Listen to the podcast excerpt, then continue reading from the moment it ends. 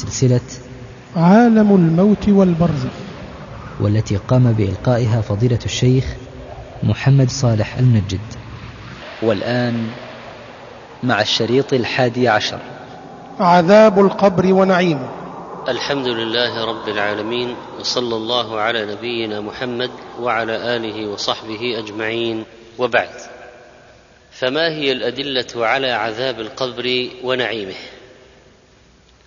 والمراد بعذاب القبر ونعيمه كل ما يحصل للميت من عذاب أو نعيم بعد الموت وحتى البعث. وأضيف العذاب إلى القبر لكون معظمه يقع فيه وإن كان هناك عذاب قبل دخول القبر. العذاب عند سحب الروح والملائكة يضربون وجوههم وأدبارهم لكن لأن أكثر عذاب القبر يقع في القبر سمي به تغليبا ولكون الغالب على الموتى أن يقبروا. لأن قد يقول قائل بعض الموتى لا يقبرون بعض الموتى يغرقون بعض الموتى يحترقون بعض الموتى تأكلهم السباع. فهل يقع عليهم عذاب قبر ونعيم قبر يقع لهم؟ الجواب نعم. ولكون الغالب على الموتى أن يقبروا وإلا فالكافر ومن شاء الله تعذيبه من العصاة يعذب بعد موته ولو لم يدفن. ولكن ذلك محجوب عن الخلق إلا أن يشاء الله.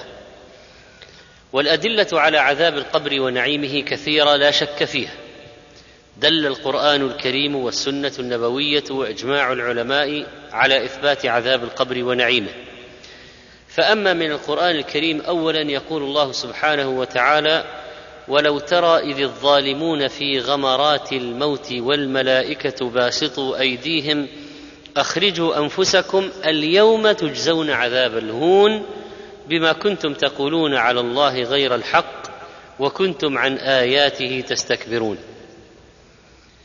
وغمرات الموت سكراته وشدته والملائكة باسطوا أيديهم بالضرب. أخرجوا أنفسكم. قال ابن عباس رضي الله عنه هذا عند الموت.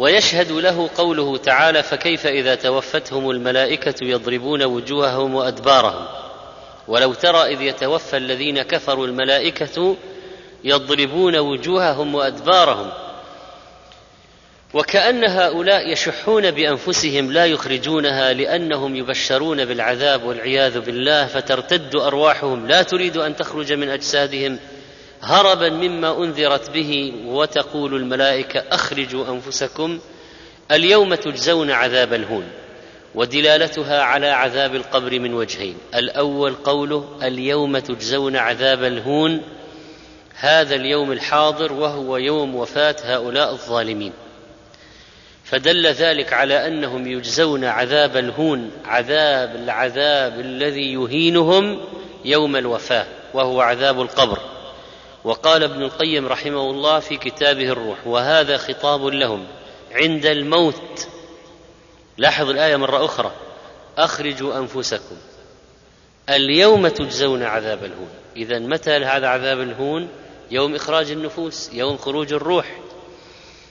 قال وهذا خطاب لهم عند الموت وقد أخبر الملائكة وهم الصادقون أنهم حينئذ يجزون عذاب الهون ولو كان المراد بذلك عذاب الآخرة لما صح أن يقال اليوم تجزون لأنه ما بعد جاء يوم الآخر.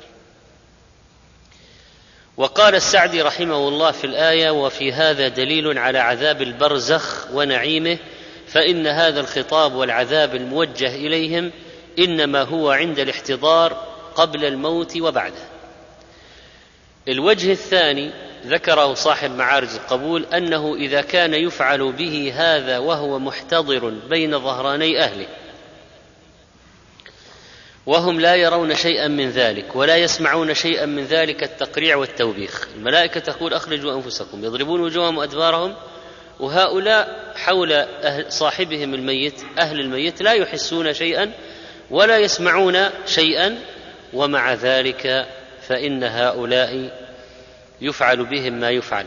فلأن يفعل به في قبره أعظم منه ولا يعلمه من كشف عليه لأن يفعل به ذلك ولا يحس به أولى وأظهر. لأنهم إذا كانوا معهم قبل قبل أخذ الروح أهل حوله لا يحسون بالملائكة يضربونه ولا يبشرونه بعذاب الله. فمن باب أولى إذا وضع في القبر أن يقع عليه عذاب لا يسمعه من كشف قبره ولا من نظر في قبره. ثانيا من الأدلة على عذاب القبر قوله سبحانه وتعالى وممن حولكم من الأعراب منافقون ومن أهل المدينة مردوا على النفاق. لا تعلمهم نحن نعلمهم سنعذبهم مرتين ثم يردون إلى عذاب عظيم. هذه الآية احتج البخاري رحمه الله تعالى بها على عذاب القبر في صحيحه أيضا وقوله فيها سنعذبهم مرتين تدل على نزول عذاب بالمنافقين قبل يوم القيامة لأنه قال سنعذبهم مرتين ثم يردون إلى عذاب عظيم ما هما هاتان المرتان. العذاب الأول ما يصيبهم في الدنيا من عقاب من الله سبحانه وتعالى أو بأيدي المؤمنين والعذاب الثاني هو عذاب القبر.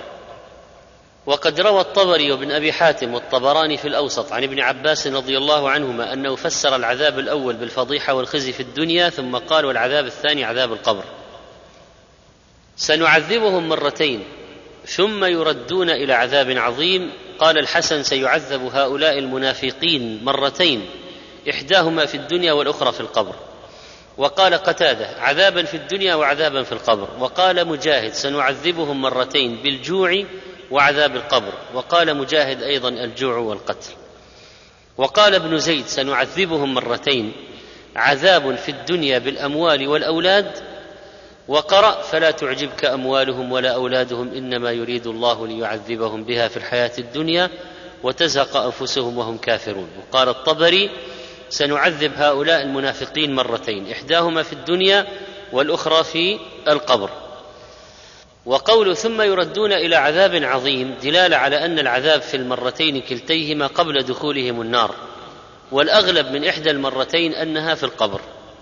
وقوله ثم يردون إلى عذاب عظيم بعد تعذيب الله المرتين يردون إلى عذاب جهنم. الآية الثالثة قال تعالى وحاق بآل فرعون سوء العذاب النار يعرضون عليها غدوا وعشيا ويوم تقوم الساعة أدخل آل فرعون أشد العذاب. حاق نزل وأحاط بهم سوء العذاب العذاب السيء. ومن هذا العذاب ما اصيبوا به في الدنيا قوم فرعون مثل ما قال تعالى في كتابه ولقد أخذنا آل فرعون بالسنين ونقص من الثمرات لعلهم يذكرون وقال فأرسلنا عليهم الطوفان والجراد والقمل والضفادع والدم آيات مفصلات فاستكبروا وكانوا قوما مجرمين ومن سوء العذاب الذي حاق بآل فرعون الغرق. اختتم به عذاب الدنيا. أما عذاب القبر بالنسبة لآل فرعون فهو المذكور في قوله تعالى النار يعرضون عليها غدوا وعشيا. ليس المراد أنها تحرقهم لأنه لو كان كذلك لقال يصلونها. لكن لما قال يعرضون عليها يأتيهم من حرها وسمومها وعذابها ما لا يطيقون والعياذ بالله. وهذه الآية حجة واضحة في إثبات عذاب القبر.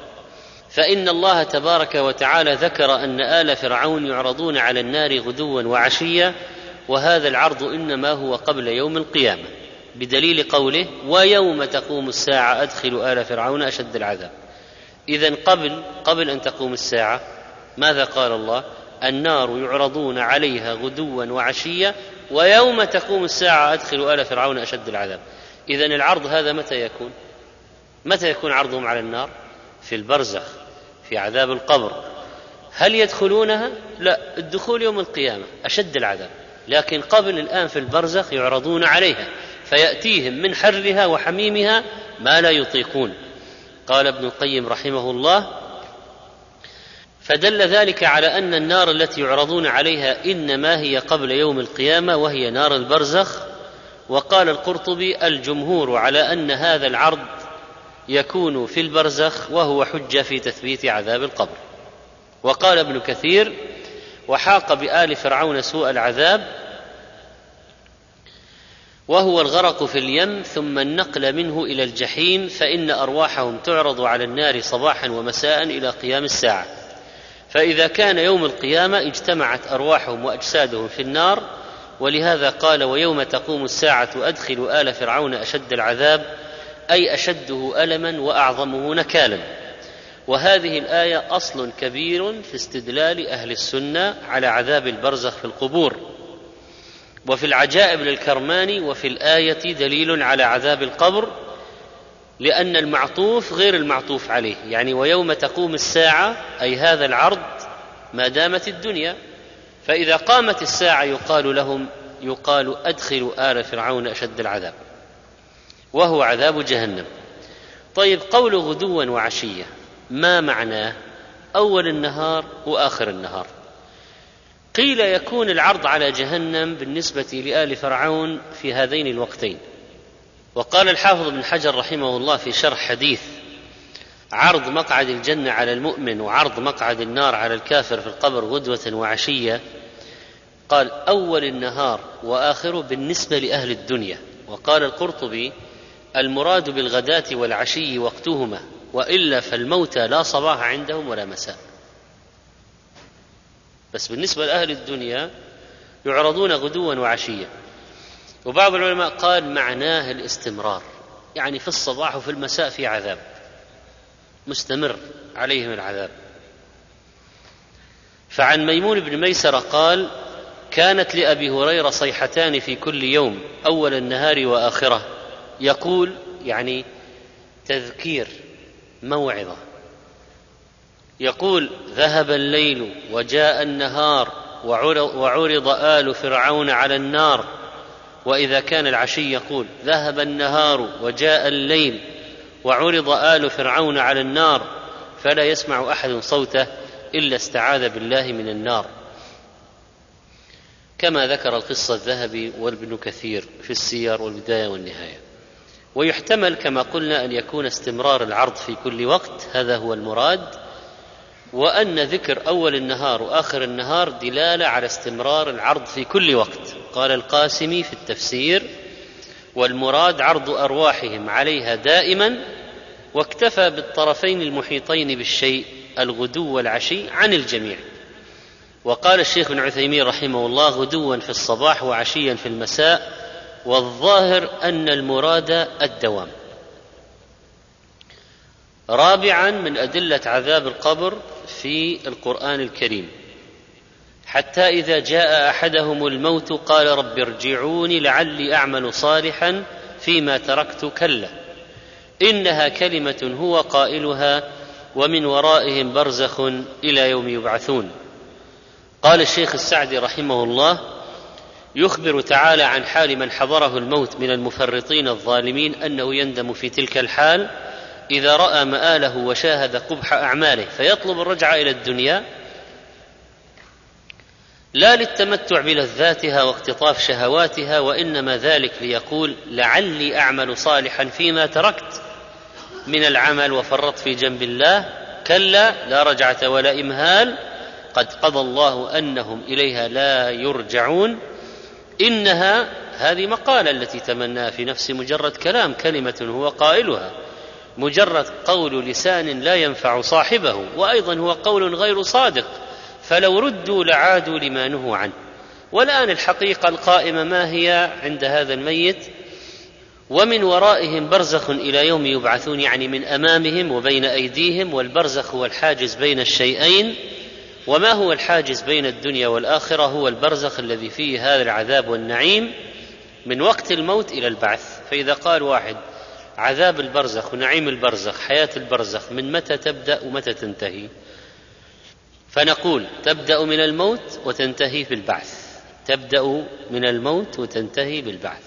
هذه حياة البرزخ. ففيها يتنعم المطيعون ويعذب العاصون. وقال ابن كثير قال قتادة والله ما تمنى أن يرجع إلى أهل ولا إلى عشيرة ولا بأن يجمع الدنيا ويقضي الشهوات. ولكن تمنى أن يرجع فيعمل بطاعة الله عز وجل. فرحم الله امرأ عمل فيما يتمناه الكافر. يعني إذا الكافر يتمنى الرجوع في الدنيا هذا أنت الآن في الدنيا. فاعمل صالحا. وكان العلاء بن زياد يقول لينزلن أحدكم نفسه أنه قد حضره الموت فاستقال ربه فأقاله. يعني أعاد إلى الدنيا. تخيل هذا. فليعمل بطاعة الله تعالى. مثل نفسك حضرك الموت. وأنك طلبت من ربك في تلك اللحظة أن يعيدك إلى الدنيا. فأعادك. فها أنت الآن في الدنيا. فاعمل صالحا. وقوله ومن ورائهم برزخ تهديد لهؤلاء المحتضرين بعذاب البرزخ. كما قال تعالى ومن ورائهم جهنم وكقوله ومن ورائهم عذاب غليظ وقول إلى يوم يبعثون ان يستمر به العذاب إلى يوم البعث. كما جاء في الحديث فلا يزال معذبا فيها يعني في الأرض في قبره. الآية الخامسة قال تعالى يثبت الله الذين آمنوا بالقول الثابت في الحياة الدنيا وفي الآخرة. جاء في حديث البراء عن النبي صلى الله عليه وسلم إذا أقعد الميت في قبره أتي ثم شهد أن لا إله إلا الله وأن محمدا رسول الله فذلك قوله يثبت الله الذين آمنوا بالقول الثابت. جاء في رواية مسلم عن البراء في الآية هذه قال نزلت في عذاب الآخرة. جاء في رواية مسلم عن البراء بن عازب أنه قال في هذه الآية نزلت في عذاب القبر. قال السندي قوله في عذاب القبر يعني في السؤال في القبر. ولما كان السؤال يكون سببا للعذاب في الجملة ولو في حق بعض عبر عنه باسم العذاب. فالمراد بالتثبيت في الآخرة تثبيت المؤمن في القبر عند سؤال الملكين إياه. الآية السادسة قوله تعالى فذرهم يعني هؤلاء الكفار حتى يلاقوا يومهم الذي فيه يصعقون وهو يوم إيش؟ القيامة. يوم لا يغني عنهم كيدهم شيئا ولا هم ينصرون. وإن للذين ظلموا عذابا إيش؟ دون ذلك. قبل وأقل. ولكن أكثرهم لا يعلمون. قال السعدي رحمه الله في قول عذابا دون ذلك لما ذكر الله عذاب الظالمين في الآخرة أخبر أن لهم عذابا قبل عذاب يوم القيامة. وذلك شامل لعذاب الدنيا بالقتل والسبي والإخراج من الديار ولعذاب البرزخ والقبر. اذا الكفار يعذبون في الدنيا بأشياء منها ما يكون بأيدي المؤمنين. وسبحان الله يا إخوان. مهما عتى الكفار وتجبروا مثل الآن يعني هؤلاء الصليبيين في عتوهم وشدتهم إلا يذيقهم الله شيئا من العذاب بأيدي المؤمنين. فترى المؤمنين يقتلون منهم ويجرحون ويتلفون لهم الأموال والمركبات. يعني لما قال الله إنه سيعذب الكفار في الدنيا فأنت تراهم يعذبون. مع ما عندهم من القوة لكن أذاقهم أذاقهم أذاق الله المعسكر الشرقي عذابا بأيدي المؤمنين ويذيق الله المعسكر الغربي عذابا بأيدي المؤمنين. الآن في الدنيا. فإذا وإن للذين ظلموا عذابا دون ذلك يعني في الدنيا وفي البرزخ دون ذلك قبل يوم القيامة. قال ابن القيم يحتمل أنه يراد به عذابهم بالقتل وغيره في الدنيا وأن يراد بهم عذابهم في البرزخ وأن يراد به عذابهم في البرزخ وهو أظهر. يعني أن المقصود بدون ذلك عذاب البرزخ أظهر. لأن كثيرا منهم مات ولم يعذب في الدنيا. يعني لو واحد قال أورد علينا قال طيب في كفار بقوا ظلمة وطغاة وماتوا ما حد مسهم بسوء في الدنيا. وماتوا وهم في أوج العز والقوة. فنقول إيه البرزخ؟ البرزخ. فإذا ما إذا ما مسهم شيء في الدنيا فسيمسهم في البرزخ. قال رحمه الله وقد يقال وهو أظهر إن مات منهم عذب في البرزخ ومن بقي منهم عذب في الدنيا بالقتل وغيره فهو وعيد بعذابهم في الدنيا وفي البرزخ. وعن قتادة ان ابن عباس كان يقول إنكم لتجدون عذاب القبر في كتاب الله وإن للذين ظلموا عذابا دون ذلك. قال الطبري والصواب من القول في ذلك عندي أن يقال إن الله تعالى أخبر أن للذين ظلموا أنفسهم بكفرهم به عذابا دون يومهم الذي فيه يصعقون وذلك يوم القيامة فعذاب القبر دون يوم القيامة لأنه في البرزخ. الآية السابعة ولنذيقنهم من العذاب الأدنى دون العذاب الأكبر لعلهم يرجعون. قال بعض المفسرين العذاب الأدنى مصائب الدنيا وأسقام الدنيا مما يبتلى به العبيد حتى يتوبوا قال ابن مسعود هو القتل بالسيف يوم بدر بالنسبة لكفار قريش. قال مقاتل ومجاهد الجوع بسبع سنين بمكة حتى أكلوا الجيف. يعني كفار قريش. وقد استدل بهذه الآية الكريمة جماعة من السلف على أن المقصود بقوله ولنذيقنهم من العذاب الأدنى دون العذاب الأكبر أن المقصود به عذاب القبر كما جاء عن ابن عباس رضي الله عنه والبراء بن عازب ونقل عن مجاهد قال مجاهد الأدنى في القبور وعذاب الدنيا والأكبر عذاب يوم القيامة. وقال السعدي في الآية وهذه الآية من الأدلة على إثبات عذاب القبر ودلالتها ظاهرة فإنه قال لنذيقنهم من العذاب الأدنى أي بعض وجزء منه فدل على أن ثم عذابا أدنى قبل العذاب الأكبر وهو عذاب النار. وقال ابن القيم في الروح وقد احتج بهذه الآية جماعة منهم عبد الله بن عباس على عذاب القبر. طيب لو قال واحد الآية ختمت بقول لعلهم يرجعون فكيف يقصد بها عذاب القبر؟ قال ابن القيم ولم يكن هذا مما يخفى على حبر الأمة وترجمان القرآن لكن من فقهه في القرآن ودقة فهمه فيه فهم منها عذاب القبر. فإنه سبحانه أخبر أن له فيهم عذابين أدنى وأكبر. فأخبر أنه يذيقهم بعض الأدنى ليرجعوا. فدل على أنه بقي لهم من الأدنى بقية يعذبون بها بعد عذاب الدنيا. ولهذا قال من العذاب الأدنى؟ شوف لا مأخذ بن عباس دقيق جدا وابن القيم يلاحظ هذا. الآية ما هي؟ ولنذيقنهم من العذاب الأدنى. يعني في عذاب أدنى والله سيذيقهم منه يعني بعضه. لعلهم يرجعون. يعني في الدنيا سيذيقهم بعض العذاب الأدنى لعلهم يرجعون. طيب واذا راحوا من الدنيا سيكمل لهم بقية العذاب الأدنى دون العذاب الأكبر الذي سيكون يوم القيامة. طبعا هذا ما يعني لا يأتي بها أي واحد. هذه يعني ابن عباس دعا له النبي عليه الصلاة والسلام فقه أن يفقهه في القرآن يعلمه التأويل. دعا له النبي صلى الله عليه وسلم أن يعلمه الله التأويل.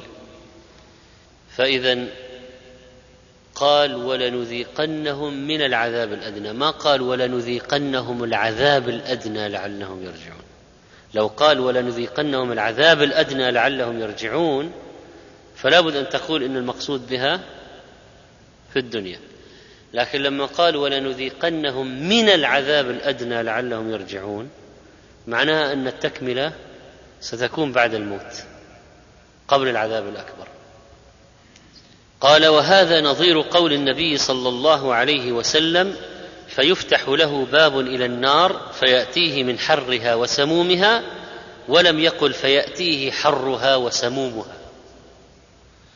فإن الذي وصل إليه بعض ذلك وبقي له أكثره والذي ذاقه أعداء الله في الدنيا بعض العذاب الأدنى وبقي لهم ما هو أعظم منه يعني الجزء الأكبر من العذاب الأدنى سيكون في القبر والجزء الأقل من العذاب الأدنى في الدنيا.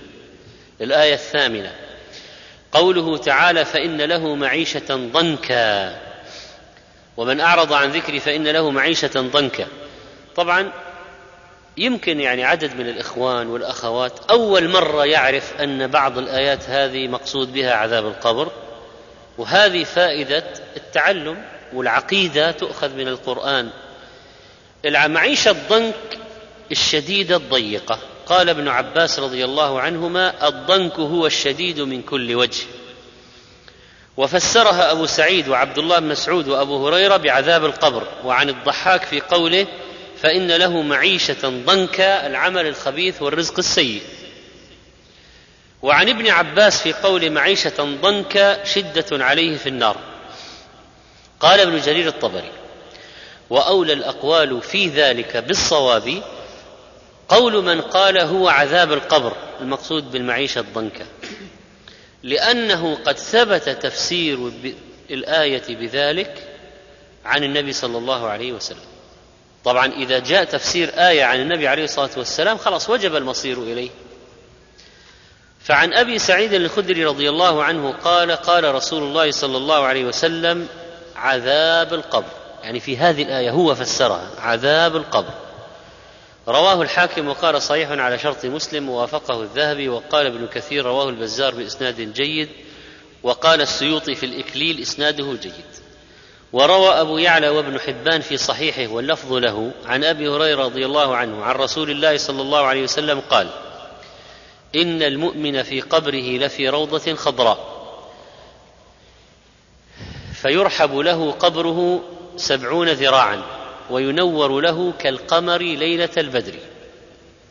أتدرون فيما أنزلت هذه الآية؟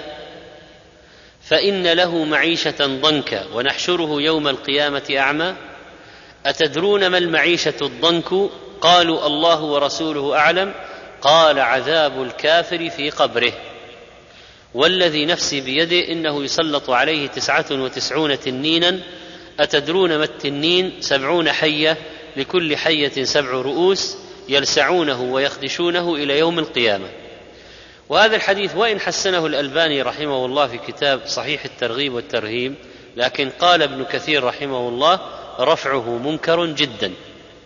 فلنبقى على الحديث الذي قبله وهو أن النبي عليه الصلاة والسلام فسر الآية فإن له معيشة ضنكا بقوله هو عذاب القبر. هو عذاب القبر. طبعا وردت عدة آثار احاديث في قضية التعذيب في القبر بلسع الأفاعي وأن تخرج العلي من جنبات القبر موقوفة ومرفوعة وجمعها ابن رجب رحمه الله في بعض كتبه جعل لها بابا خاصا لكن ما نثبت شيء إلا بدليل صحيح. ثبت الدليل قلنا به ما ثبت الدليل ما قلنا به. لكن المقصود أنها عدة آثار وأحاديث يجمعها إذا قلت الجامع المشترك فيها من عذاب القبر لسع الأفاعي. واختار ابن القيم رحمه الله في تفسير الآية فإن له معيشة ضنكا العموم وانها تشمل المعيشة الضنك في الدنيا يعني ما يصيب من ضيق الصدر الكافر والمعرض عن ذكر الله يصيب من ضيق الصدر والشقاء النفسي والآلام النفسية والاكتئاب والغم غير المؤمن الذي يكون في انشراح صدر حتى لو كان فقيرا أو مريضا أو معذب مضطهدا فإنه لا يزال صدره منشرحا بتوكله على الله والصلة به. والكافر ترى قصره كبير جدا وصدره ضيق جدا. والذي لا يذكر ربه هكذا في وحشه باستمرار مهما كان رزقه وفيرا وعيشه رغيدا. يقول ابن القيم في عقوبات المعاصي يقول رحمه الله ومنها يعني من عقوبات المعاصي المعيشة الضنك في الدنيا وفي البرزخ والعذاب في الآخرة. قال تعالى ومن أعرض عن ذكري فإن له معيشة ضنكا ونحشره يوم القيامة أعمى. وفسرت المعيشة الضنك بعذاب القبر ولا ريب أنه من المعيشة الضنك. والآية تتناول ما هو أعم منه وإن كانت نكرة في سياق الإثبات فإن عمومها من حيث المعنى. فإذا المعيشة الضنك في الدنيا وفي البرزخ ويوم المعاد فاختار تعميم الآية للدنيا والبرزخ والآخرة. وفسرت المعيشة الضنك بعذاب القبر وأنه يضيق عليه قبره ويحصر فيه ويعذب جزاء لإعراضه عن ذكر ربه. وهذه إحدى الآيات الدالة على عذاب القبر. الآية التاسعة. قوله تعالى مما خطيئاتهم أغرقوا فأدخلوا نارا. فلم يجدوا لهم من دون الله أنصارا. قال البيضاوي وأبو السعود أن الآية يحتمل أن يراد بها عذاب القبر. ذكر البيضاوي وأبو السعود أن الآية يحتمل أن يراد بها عذاب القبر ويؤيده التعقيب بالفاء. أغرقوا فأدخلوا. ويحتمل أن المراد نار الآخرة. وعلى هذا فقد يقال إن التعقيب بالفاء لا ينافي أن يكون المراد نار الآخرة لعدم الاعتداد بما بين الإغراق والإدخال أو لأنه متحقق لا محالة فنزل منزلة المتعقب يعني فاء مباشرة التعقيب وهما قولان للسلف في المراد من النار في الآية. وقال بأن المراد عذاب القبر الضحاك وقال المراد بعذاب الآخر وقال بأن المراد عذاب الآخرة مقاتل واختاره الشوكاني واقتصر عليه ابن جرير. والرازي في تفسيره مفاتيح الغيب قال تمسك أصحابنا في إثبات عذاب القبر بقوله أغرقوا فأدخلوا نارا. من وجهين أن الفاء في قوله فأدخلوا تدل على أنه حصلت تلك الحالة عقيب الإغراق فلا يمكن حملها على عذاب الآخرة وإلا بطلت دلالة هذه الفاء. الثاني أن قول أنه قال فأدخلوا على سبيل الإخبار عن الماضي. وقال القرطبي في تفسيره فأدخلوا نارا يعني بعد إغراقهم. وقال القشيري هذا يدل على عذاب القبر. واختار السعدي رحمه الله أن المراد بالآية عذاب القبر فقال مما خطيئاتهم أغرقوا يعني في اليم الذي أحاط بهم فأدخلوا نارا فأجسادهم في الغرق وأرواحهم للنار والحرق. الآية العاشرة قال تعالى والذي قال سبحانه وتعالى الذين تتوفاهم الملائكة ظالمي أنفسهم. قالوا الذين تتوفاهم الملائكة ظالمي أنفسهم. فألقوا السلم ما كنا نعمل من سوء بلى إن الله عليم بما كنتم تعملون. فادخلوا أبواب جهنم خالدين فيها فلبئس مثوى المتكبرين. وقيل للذين اتقوا ماذا أنزل ربكم؟ قالوا خيرا للذين أحسنوا في هذه الدنيا حسنة ولدار الآخرة خير ولنعم دار المتقين. جنات عدن يدخلونها تجري من تحتها الأنهار لهم فيها ما يشاءون كذلك يجزي الله المتقين. الذين تتوفاهم الملائكة طيبين يقولون سلام عليكم ادخلوا الجنة بما كنتم تعملون. استدل بهذه الآية على عذاب القبر ونعيمه من قوله فادخلوا أبواب جهنم خالدين فيها يحتمل أن يكون المراد بذلك عذاب القبر أو عذاب الآخرة. قال القرطبي فادخلوا أبواب جهنم يقال لهم ذلك عند الموت. وقيل هو بشارة لهم بعذاب القبر. يعني لأنه قال الذين تتوفاهم الملائكة ظالمي أنفسهم فألقوا السلام. ما كنا نعمل من سوء؟ بلى. إن الله عليم بما كنتم تعملون فادخلوا أبواب جهنم.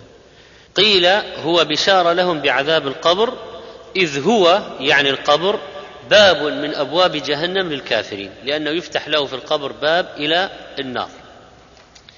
وقال ابن كثير في تفسير الآية يخبر تعالى عن حال المشركين الظالم أنفسهم. عند احتضارهم ومجيء الملائكة إليهم لقبض أرواحهم الخبيثة فألقوا السلم يعني استسلام وانقياد لأنهم لا يملكون الاعتراض.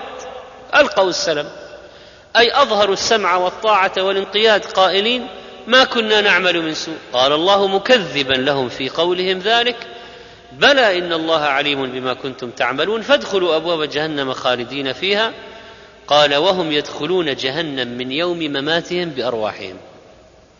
وينال أجسادهم في قبورها من حرها.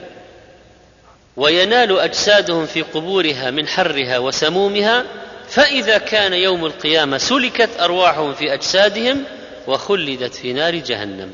لا يقضى عليهم فيموتوا ولا يخفف عنهم من عذابها كما قال تعالى النار يعرضون عليها غدوا وعشيا ويوم تقوم الساعة ادخلوا آل فرعون أشد العذاب. وأكثر المفسرين فسروا الآية بالبشارة بدخول الجنة يوم القيامة أو أن ذلك سيكون يوم القيامة.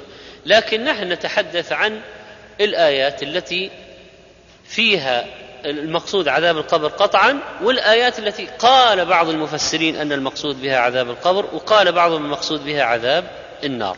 يعني أيضا نورد الآيات التي فيها أحد الأقوال أو بعض الأقوال أن المقصود بها عذاب البرزخ ويكفينا الآيات الأخرى الصريحة الواضحة لأن بعض الآيات هذه فيها نزاع وخلاف في التفسير. هل المقصود بها عذاب القبر أو عذاب النار؟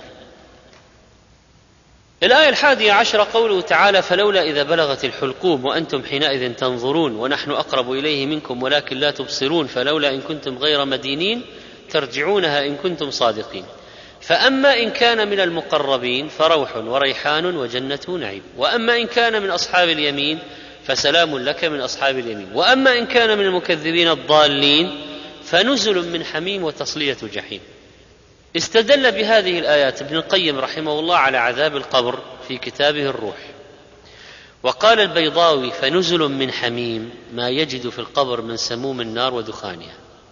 والآلوسي قال في تفسيره وقيل هذا محمول على ما يجده في القبر من حرارة النار ودخانها والأنسب بذلك كون ما ذكر في البرزخ يعني رجح أن قوله فنزل من حميم أنه في البرزخ.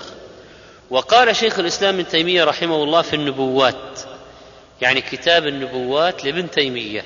وهذا غير ما ذكره في أول السورة من قسامهم يوم القيامة الكبرى إلى سابقين وأصحاب يمين ومكذبين. يعني ابن تيمية يرى أن التقسيم الذي في أول سورة الواقعة يوم القيامة والتقسيم الذي في آخر سورة الواقعة المقصود به البرزخ.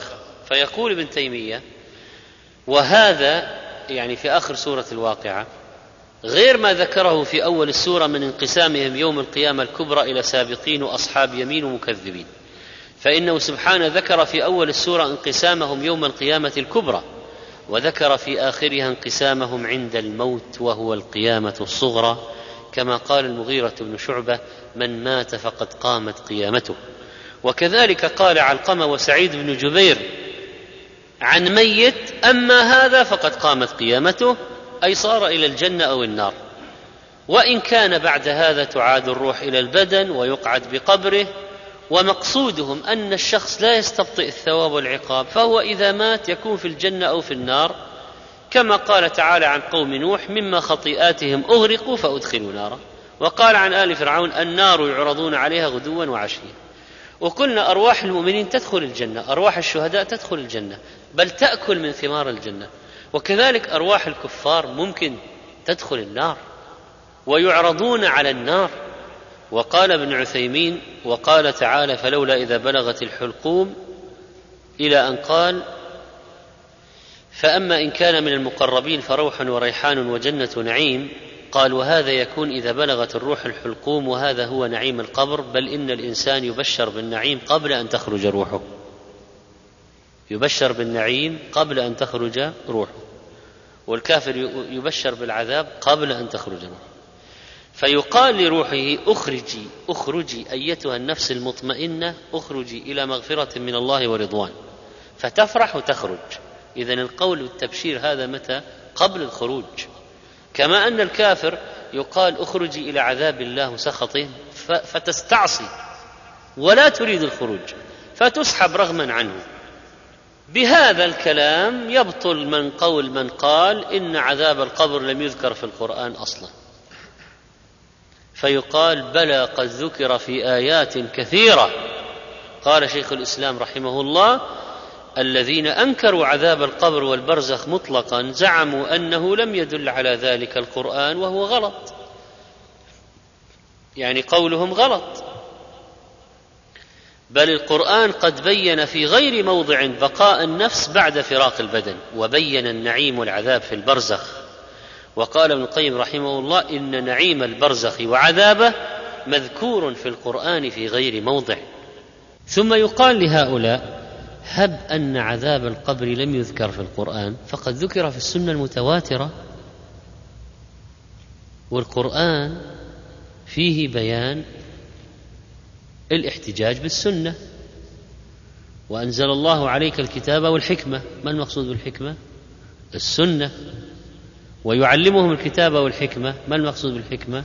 السنة. واذكرن ما يتلى في بيوتكن من آيات الله والحكمة. ما المقصود بالحكمة؟ السنة باتفاق السلف. والنبي عليه الصلاة والسلام قال إني أوتيت الكتاب ومثله معه.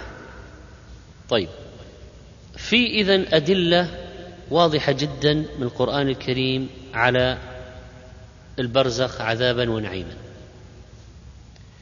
في أدلة متفق عليها إن في البرزخ وفي أدلة مختلف فيها هل هي في البرزخ أو في النار. فإذا أخذنا الأدلة المتفق عليها ومن ورائهم برزخ إلى يوم يبعثون النار يعرضون عليها غدوا وعشيا ولنذيقنهم من العذاب الأدنى دون العذاب الأكبر إلى آخره. الآيات التي فيها عذاب البرزخ احتمال قوي ما هو مستبعد قوي أن يكون المقصود بها البرزخ. فإن هنالك في السنة ما يقطع بوجود البرزخ العذاب والنعيم في البرزخ. وبعض الناس لا يأخذون بأحاديث الآحاد ويقولون هذه لا تثبت العقائد بها وما نأخذ إلا بالمتواتر. طبعا هذا ضلال إذا صح الحديث يجب الأخذ به في العقيدة أو في العبادة في الأحكام يجب الأخذ به. أما رد حديث الثقة بلا سبب لا يجوز. كيف ترد خبر جاء عن ثقة عن رسول الله صلى الله عليه وسلم؟ طيب ونقول مع ذلك إن هنالك أحاديث متواترة في البرزخ والقبر عذابا ونعيما. قال شيخ الإسلام تيمية رحمه الله فأما أحاديث عذاب القبر ومسألة منكر ونكير فكثيرة متواترة عن النبي صلى الله عليه وسلم. وكذلك قرر تلميذ ابن القيم رحمه الله وقال شارح الطحاوية وقد تواترت الأخبار عن رسول الله صلى الله عليه وسلم في ثبوت تواتر عذاب القبر ونعيمه لمن كان لذلك أهلا. وسؤال الملكين فيجب اعتقاد ثبوت ذلك والإيمان به. ولا نتكلم في كيفيته إذ ليس للعقل وقوف على كيفيته لكونه لا عهد له به في هذه الدار. يعني ما في مثله. عذاب القبر ما في مثله الآن في الدنيا. فكيف لا نستطيع أن نتخيله؟ وقال الشيخ علي القاري رحمه الله وقد وردت الأحاديث المتظاهرة في المبنى المتواترة في المعنى في تحقيق أحوال البرزخ والعقبى. وقال القرطبي رحمه الله صحت الأخبار في عذاب القبر على الجملة فلا مطعن فيها ولا معارض لها. طيب ما هي هذه الأحاديث منها الأحاديث الكثيرة منها ما روى البخاري ومسلم عن عبد الله بن عمر رضي الله عنهما عن النبي صلى الله عليه وسلم قال إن أحدكم إذا مات عرض عليه مقعده بالغداة والعشي. إن كان من أهل الجنة فمن أهل الجنة وإن كان من أهل النار فمن أهل النار. فيقال هذا مقعدك حتى يبعثك الله يوم القيامة. وفي رواية لمسلم ثم يقال هذا مقعدك الذي تبعث عليه إلى يوم القيامة. قال الحافظ عرض عليه مقعده بالغداة والعشي. عرض عليه مقعده بالغداة والعشي.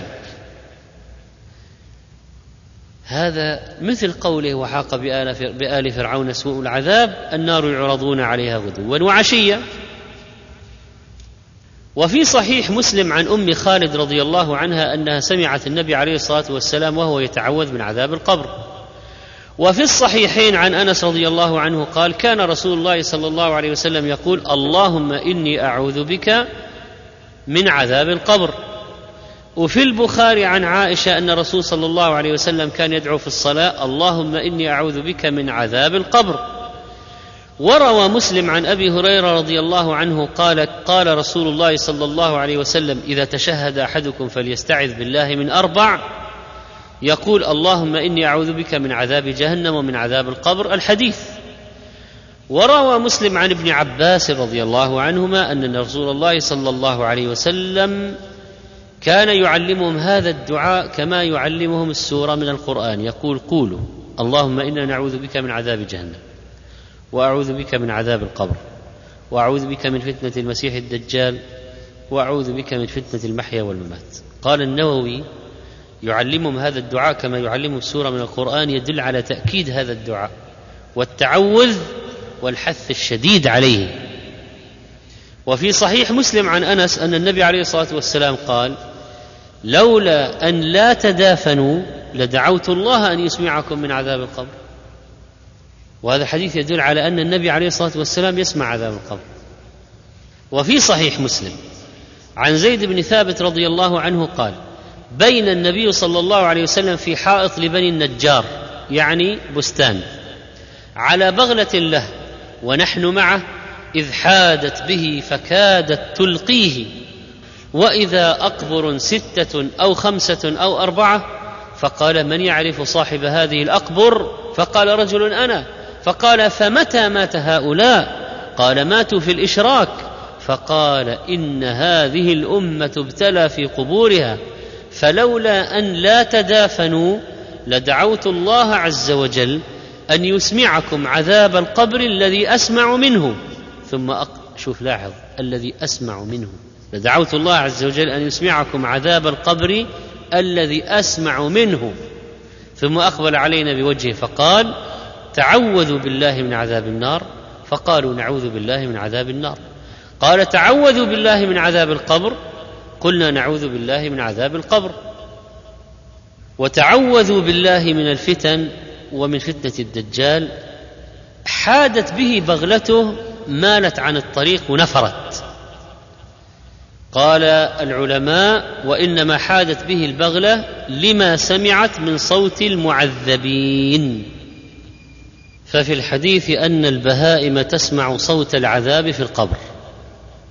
وروى البخاري ومسلم عن عائشة رضي الله عنها أن النبي صلى الله عليه وسلم قال في أهل القبور إنهم يعذبون عذابا تسمعه البهائم كلها. لو كنا نسمع عذاب القبر ما تجرأ واحد يدفن ميته. ولولا خشية النبي عليه الصلاة والسلام أن يلقي الناس أمواتهم بلا دفن لدعا الله أن يسمعنا من عذاب القبر ما كان يسمع هو. قال أبو محمد عبد الحق الإشبيلي حدثني الفقيه أبو الحكم بن برجان وكان من أهل العلم والعمل رحمه الله إنهم دفنوا ميتا بقريتهم من شرق إشبيلية. فلما فرغوا من دفنه قعدوا ناحية يتحدثون ودابة ترعى قريبا منهم. وإذا بالدابة قد أقبلت مسرعة إلى القبر فجعلت أذنها عليها كأنها تسمع. ثم ولت فارة ثم عادت إلى القبر فجعلت أذنها كأنها تسمع. ثم ولت كذلك فعلت ذلك مرة بعد أخرى. قال أبو الحكم رحمه الله الفقيه أبو الحكم الذي ينقل عنه أبو محمد بن عبد الحق الإشبيلي قال أبو الحكم تذكرت عذاب القبر وقول النبي صلى الله عليه وسلم إنهم يعذبون عذابا تسمعه البهائم. وقال شيخ الإسلام رحمه الله في بيان كفر الباطنية الإسماعيلية في مجموع الفتاوى 35 على 133 ولهذا يميز بين قبورهم وقبور المسلمين كما يميز بين قبور المسلمين والكفار فإن قبورهم موجهة إلى غير القبلة. وإذا أصاب الخيل مغل المغل وجع في البطن من تراب إذا أكلت الدابة التراب مع البقل يصيبها مغص وجع في بطنها وتحتاج إلى شيء يفرج عنها. يقول ابن تيمية وإذا أصاب الخيل مغل أتوا بها إلى قبورهم. المسلمين أن المسلمين إذا أصاب خيلهم مغل وتحتاج البطن إلى تسهيل أتوا به قبور الباطنية الإسماعيلية. كما يأتون بها إلى قبور الكفار. وهذه عادة معروفة للخيل. إذا أصاب الخيل مغل ذهبوا بها إلى قبور النصارى بدمشق. وإن كانوا بمساكن يعني الباطنية ذهبوا بها إلى قبورهم. وإن كانوا بمصر ذهبوا بها إلى قبور اليهود والنصارى. أو لهؤلاء العبيديين الذين قد يتسمون بالأشراف وليسوا من الأشراف. ولا يذهبون بالخيل إلى قبور الأنبياء والصالحين ولا إلى قبور عموم المسلمين. وهذا أمر مجرب معلوم عند الجند وعلمائهم. يقول الجيش الدواب إذا اصابها بشيء في البطن ذهبوا بها إلى قبور الكفار. لأن ما تسمعه من من القبر يجعلها وقد يقول ابن تيمية وقد ذكر سبب ذلك أن الكفار يعاقبون في قبورهم فتسمع أصواتهم البهائم كما أخبر النبي صلى الله عليه وسلم بذلك أن الكفار يعذبون في قبورهم. ففي الصحيحين عن النبي صلى الله عليه وسلم أنه كان راكبا على بغلته فمرت بقبور فحادت به كادت تلقيه فقال هذه أصوات يهود تعذب في قبورها. فإن البهائم إذا سمعت ذلك الصوت المنكر أوجب لها من الحرارة ما يذهب المغل وكان الجهال يظنون أن تمشية الخيل عند قبور هؤلاء لدينهم وفضلهم. الجاهل الذي الذي لا يدري القص عن القصة ولا يدري لماذا يفعل هكذا يظن أن الجنود إذا أخذوا الخيول إلى القبور هذه من باب تعظيم القبور. قال فلما تبين لهم أنهم يمشونها عند قبور اليهود والنصارى والباطنية يعني ونحوهم دون قبور الأنبياء والصالحين وذكر العلماء أنهم لا يمشونها عند قبر من يعرف بالدين بمصر والشام وغيرها إنما يمشونها عند قبور الفجار والكفار تبين بذلك ما كان مشتبها. قول عليه الصلاة والسلام لولا أن لا تدافنوا يعني لو سمعتموه لتركتم التدافن لأن القلوب لا تطيق سماع ذلك فيصعق الإنسان لوقته في الحال واصلا قال هو في الحديث لو سمعه الإنسان لصعق يعني مات. فمعنى الحديث لو سمعوا عذابه تركوا دفن الميت استهانة به أو لعجزهم عنه لدهشتهم وحيرتهم أو لفزعهم وعدم قدرتهم على إقباره. ما هي الحكمة من عدم سماع الإنس عذاب القبر؟ اولا أنهم لا يقدرون على القرب من القبر لدفن الموتى. لو كنا نسمع المعذبين في القبر نسمع صياحهم ونسمع صراخهم. كان ما استطعنا نقترب من القبور لدفن أمواتنا. اثنين أنهم يعني الإنس لا يتحملون سماع هذا الصوت فيصعقون بسببه. يعني كان ماتوا البشر. فمن رحمة الله في الإبقاء على الجنس البشري أنه منع وصول أصوات المعذبين في القبور إلى أسماع الإنس ولا كان ماتوا من هول من هول الصوت والصراخ. صعقوا. وروى البخاري ومسلم عن أبي أيوب رضي الله عنه قال خرج رسول الله صلى الله عليه وسلم بعدما غربت الشمس فسمع صوتا فقال يهود تعذب في قبورها. بعد ما وجبت الشمس يعني غربت سمع صوتا من المحتمل أن يكون صوت الملائكة المعذبين أو صوت اليهود المعذبين أو صوت وقع العذاب. قال الحافظ وقد وقع عند الطبراني من طريق عبد الجبار بن العباس عن عون بهذا السند مفسرا ولفظه خرجت مع النبي صلى الله عليه وسلم حين غربت الشمس ومعي كوز من ماء فانطلق لحاجتي حتى جاء فوضأته فقال أتسمع ما أسمع؟ قلت الله ورسوله أعلم. قال أسمع أصوات اليهود يعذبون في قبورهم. وإذا ثبت أن اليهود تعذب بيهوديتهم ثبت تعذيب غيرهم من المشركين لأن كفرهم بالشرك أشد من كفر اليهود. والمرتدين أيضا أشد من اليهود والنصارى فعذابهم أشد. وأصحاب النفاق الأكبر والزنادقة عذابهم شديد أيضا. ومن الأدلة على عذاب القبر ما رواه البخاري ومسلم عن ابن عباس رضي الله عنهما. مر النبي صلى الله عليه وسلم على قبرين فقال إنهما لا يعذبان وما يعذبان في كبير. ثم قال بلى أما أحدهما فكان يسعى بالنميمة وأما أحدهما يعني الآخر فكان لا يستتر من بوله ثم أخذ عودا رطبا فكسره باثنتين ثم غرز كل واحد منهما على قبر ثم قال لعله يخفف عنهما ما لم ييبسا وروى البخاري ومسلم عن عائشة زوج النبي صلى الله عليه وسلم أن يهودية جاءت تسألها فقالت أعاذك الله من عذاب القبر؟ فسألت عائشة رسول الله صلى الله عليه وسلم أيعذب الناس في قبورهم؟ فقال رسول الله صلى الله عليه وسلم عائذا بالله من ذلك.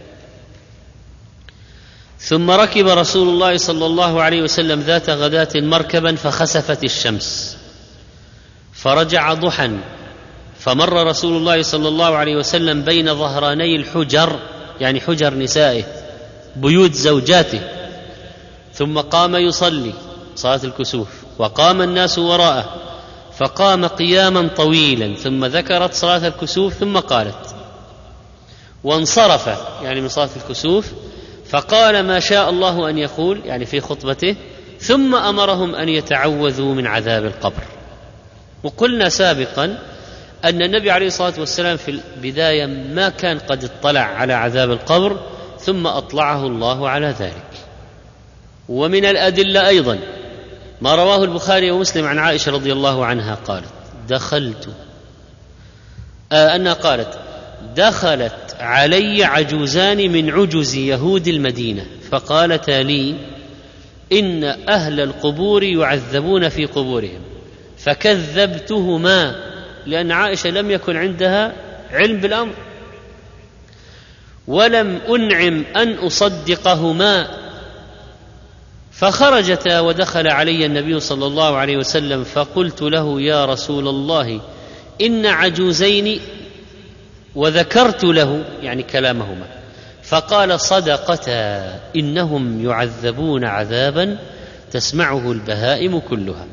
قالت فما رأيته بعد في صلاة إلا يتعوذ من عذاب القبر. فكان اذا لم يعلم النبي عليه الصلاة والسلام من قبل ثم أخبره الله سبحانه وتعالى وأوحى إليه بذلك فصار يستعيذ من عذاب القبر في كل صلاة. وأيضا روى الترمذي أن عثمان رضي الله عنه كان إذا وقف على قبر بكى حتى يبل لحيته فقيل له تذكر الجنة والنار فلا تبكي. وتبكي من هذا؟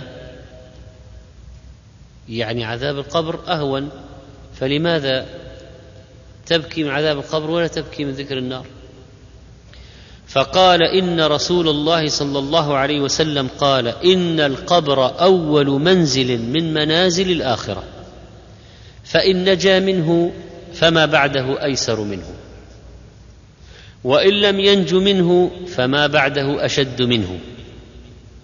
وقال رسول الله صلى الله عليه وسلم ما رأيت منظرا قط إلا القبر أفظع منه. ما رأيت منظرا قط إلا القبر أفظع منه.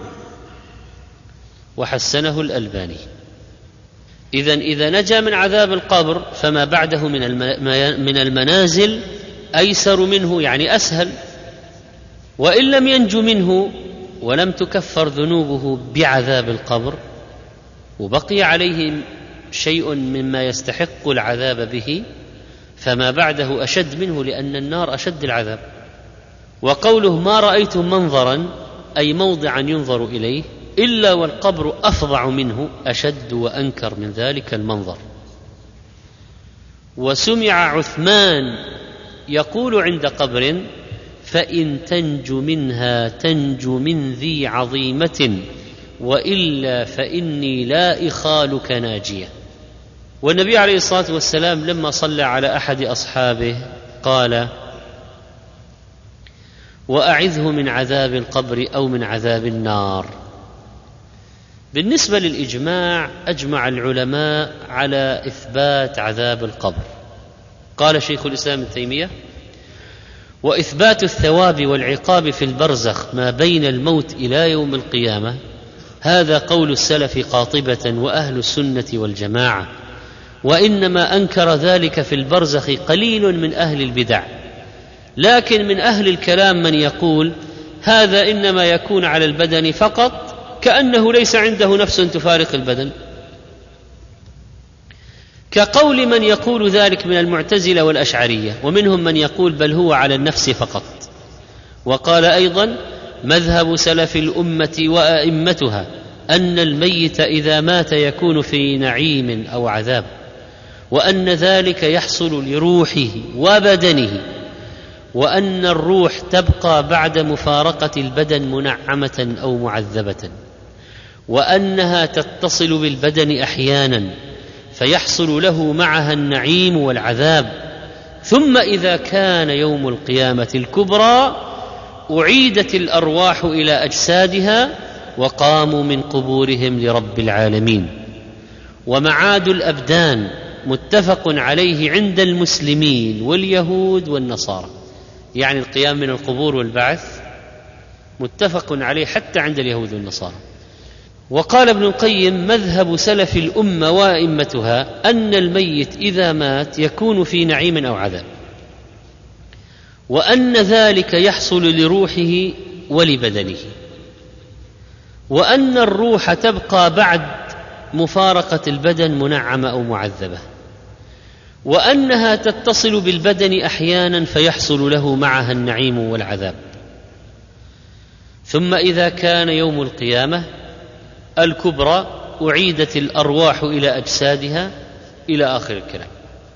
وقال الشيخ علي القاري واعلم أن أهل الحق اتفقوا على أن الله تعالى يخلق في الميت نوع حياة في القبر قدر ما يتألم أو يتلذذ.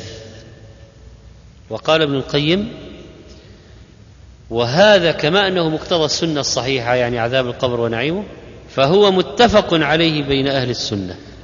وقال الإمام أحمد رحمه الله عذاب القبر حق لا ينكره إلا ضال أو مضل. وسمعت أبا عبد الله يقول هذا حنبل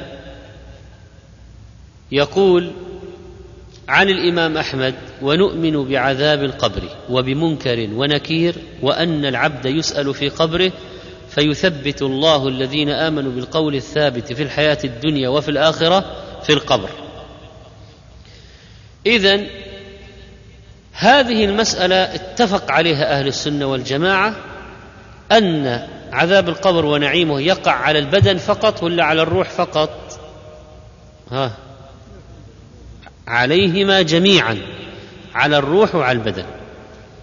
وأن الروح في القبر لها تعلق ما بالبدن. الله أعلم به. وأنها تدخل في البدن ثم تخرج وترتفع وتنزل. تتصل بالبدن أحيانا في القبر. وأن الروح لا تفنى. ومن قال بفناء الروح هذا من المعتزلة الضلال. اذا أهل الضلال من الفلاسفة والمعتزلة وغيرهم قالوا بأقوال خلاف أهل السنة فمنهم من أنكر عذاب القبر ونعيم القبر هذا بالمرة ما ما اعترف به ومنهم من قال يقع على البدن فقط ومنهم من قال يقع على الروح فقط. فيقال عذاب القبر ونعيمه يقع على البدن وعلى الروح وهو ثابت والله يفعل ما يشاء وهو على كل شيء قدير. وأما من قال البدن يفنى لا عذاب ولا نعيم أو قال الروح تفنى لا عذاب ولا نعيم فهو ضال. وقد أخبرت النصوص أن الروح تنعم مع البدن الذي في القبر إذا شاء الله وأن تعذب مع البدن في القبر إذا شاء الله. وقد روى ابن أبي الدنيا في كتاب ذكر الموت عن مالك بن أنس أنه قال بلغني أن الروح مرسلة تذهب حيث شاءت وهذا يوافق ما روي أن الروح قد تكون على أفنية القبور كما قال مجاهد وقد تعاد الروح إلى البدن في غير وقت المسألة. يعني لو واحد سأل وقال كيف علاقة الروح في البدن في القبر كيف علاقة الروح بالبدن في القبر؟ إنها لما لما انقضت الدنيا لما انقضى عمر الإنسان لما مات خرجت روحه من بدنه. تصعد إلى السماء وإن كان من أهل السعادة فتحت له أبواب السماء وإن كان من أهل الشقاوة رمي بها رميا. فتقع كما تهوي في واد سحيق. تعاد الروح في البدن في القبر. هذا ثابت.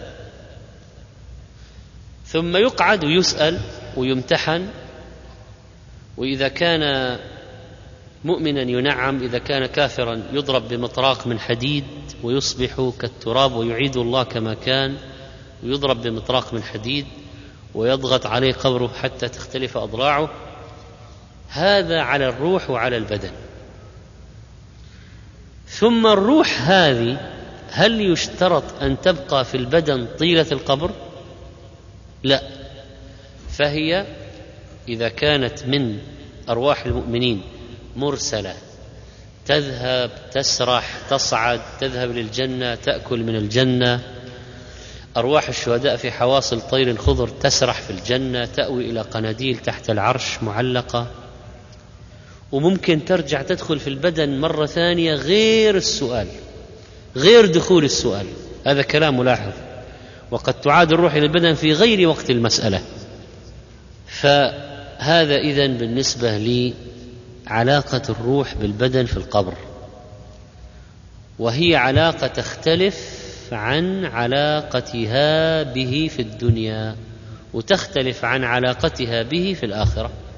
علاقة الروح بالبدن في القبر تختلف عن طبيعة العلاقة في الدنيا وتختلف عن طبيعة العلاقة في الآخرة. طيب متى تكون علاقة الروح بالبدن في أشدها؟ في الدنيا ولا في القبر ولا في الآخرة؟ في الآخرة. لماذا؟ لأنه لا موت ولا نوم أما في الدنيا صحيح الروح في البدن لكن عند النوم في مفارقة لذلك من أذكار الاستيقاظ الحمد لله الذي رد علي روحي الحمد لله الذي أحياني بعدما أماتني الله يتوفى الأنفس حين موتها يعني في النوم فإذا في نوع من الخروج والانفصال في نوع من قبض الروح عند النوم في الدنيا. فالعلاقة ليست علاقة شديدة جدا كما تكون في الآخرة وليست علاقة كما تكون في القبر. والروح قال ويسألونك عن الروح قل الروح من أمر ربي وما أوتيتم من العلم إلا قليلا. إنه عجب عجاب إنه شيء عجيب. طيب كلام شيخ الإسلام رحمه الله قال وقد انكشف لكثير من الناس ذلك. حتى سمعوا صوت المعذبين في قبورهم ورأوهم بعيونهم يعذبون في قبورهم في آثار كثيرة معروفة. اذا شيخ الإسلام يقول انه حصلت حالات متعددة أن هناك ناس في الحياة هذه في الدنيا رأوا أمواتا يعذبون في القبور. ومر معنا عدة قصص منها قصة الذي رأى بعينه قبر المكاس صار جمرة من نار تلتهب ومثل هذا الذي رأى الدابة تأتي للقبر وتسمع وتفر ثم تعود تسمع وتهرب. فإذا قد يطلع الله بعض الناس في الدنيا على أشياء من عذاب القبر ليكون من باب الموعظة واستفاده لهم ولمن يسمع الحادثة. لكن هذا الموضوع قد يدخله أشياء من الكذب. فبعض الناس يحدثون عن أمور في المقبرة يكذبون. وقد يقولون لأجل أن يتعظ الناس ولأجل أن يتأثروا وهذا لا يجوز. لا يجوز أن تكذب تقول وحفرنا وجدنا ثعابين وحفرنا وانت وهذا لم يحصل. حرام الكذب لا يجوز حتى لو كان في سبيل تأثير التأثير في الناس. لكن قد يحصل أن بعض الناس يطلع على أشياء مما يحصل في القبر. ممكن. قال شيخ الإسلام وقد انكشف لكثير من الناس ذلك حتى سمعوا صوت المعذبين في قبورهم ورأوهم بأعينهم يعذبون في قبورهم في آثار كثيرة معروفة. ولكن لا يجب ذلك أن يكون دائما على البدن في كل وقت بل يجوز أن يكون في حال دون حال.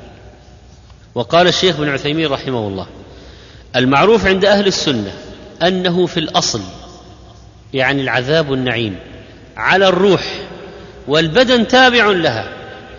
كما أن العذاب في الدنيا على البدن والروح تابعة له. ففي القبر يكون العذاب أو النعيم على الروح لكن الجسد الجسم يتأثر بهذا تبعا. وليس على سبيل الاستقلال وربما يكون العذاب على البدن والروح تتبعه. لكن هذا لا يقع إلا نادرا. إنما الأصل أن العذاب على الروح والبدن تبع والنعيم للروح والبدن تبع. قاله الشيخ في شرح الواسطية يعني في القبر.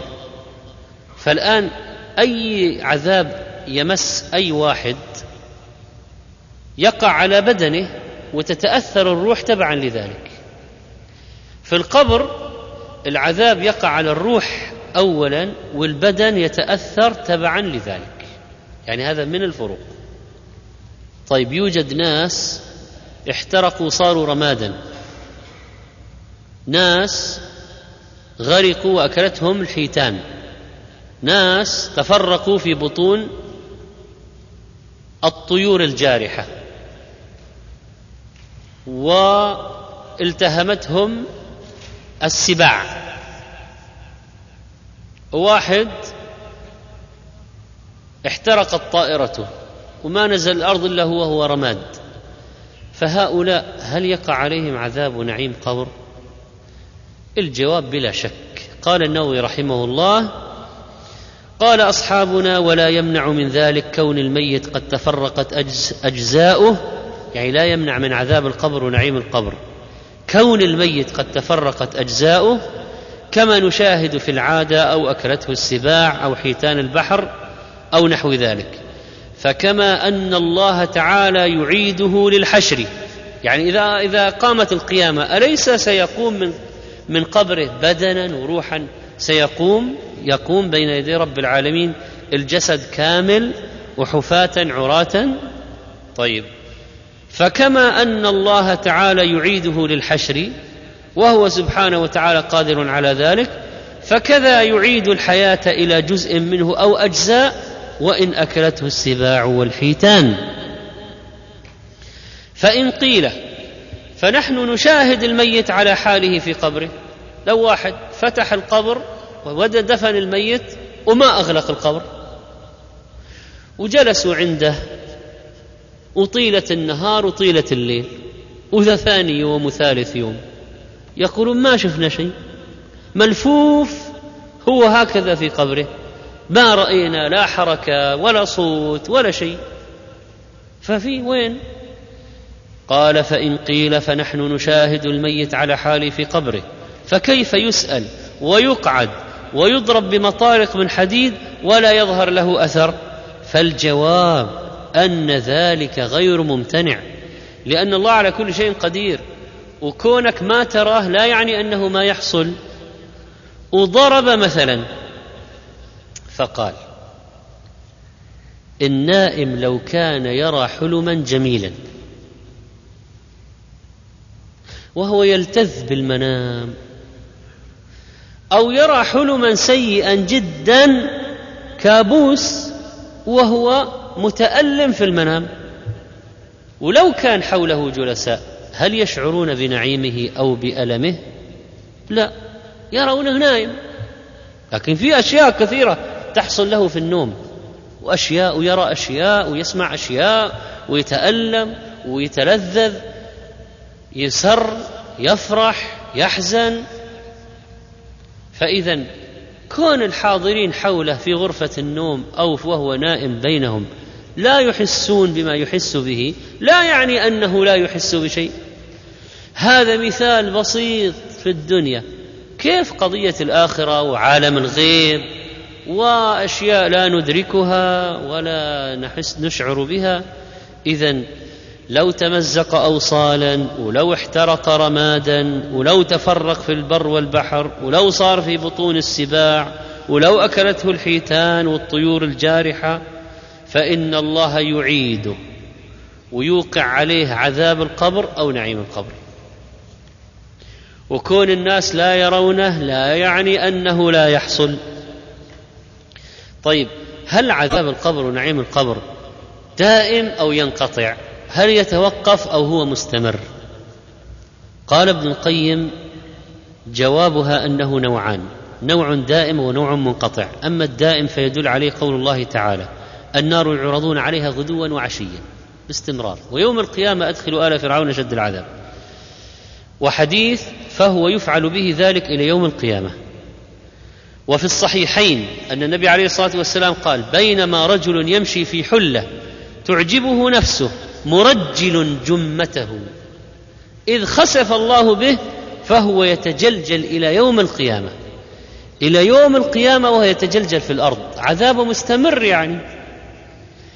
فاذا هذا نوع من عذاب القبر مستمر ودائم. الكفار مستمر ودائم. النوع الثاني عذاب في القبر إلى مدة ثم ينقطع. قال وهو عذاب بعض العصاة الذين خفت جرائمهم فيعذب بحسب جرمه. ثم يخفف عنه.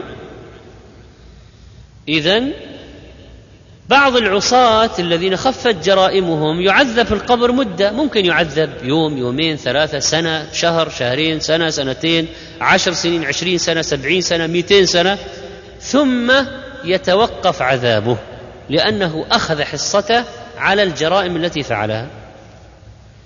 لو كانت جرائم كثيرة جدا والعياذ بالله سيستمر عليه العذاب حتى يبعث ويدخل النار ليكمل بقية العذاب. قال كما يعذب في النار مدة ثم يزول عنه العذاب وقد ينقطع عنه العذاب بدعاء أو صدقة أو استغفار أو ثواب حج يصل إليه من بعض أقاربه. يعني ممكن يكون واحد عاصي في القبر الآن ويعذب الآن. بعدين أنت الآن بين الأذان والإقامة دعوت له دعوة. ممكن يكون الآن الآن وقت الدعوة هذه توقف عذابه مؤقتا بفعل دعوتك؟ ممكن. ابن القيم يقول أن الانقطاع ممكن يكون انقطاع دائم أخذ حصته من العذاب على بعض على الأشياء التي عملها لأن سيئاته ليست كثيرة ثم توقف عذاب القبر. وممكن العذاب مستمر بس نتيجة هدية جاءته من أخ أخ من ولده من زوجته من جاره من قريبه. جاله دعوة بردت أو خففت أو أوقفت العذاب مؤقتا. ممكن. قال عذاب في القبر إلى مدة ثم ينقطع وهو عذاب بعض العصاة الذين خفت جرائمهم فيعذب بحسب جرمه ثم يخفف عنه كما يعذب في النار مدة ثم يزول عنه العذاب ويخرج إذا تدخل الجنة.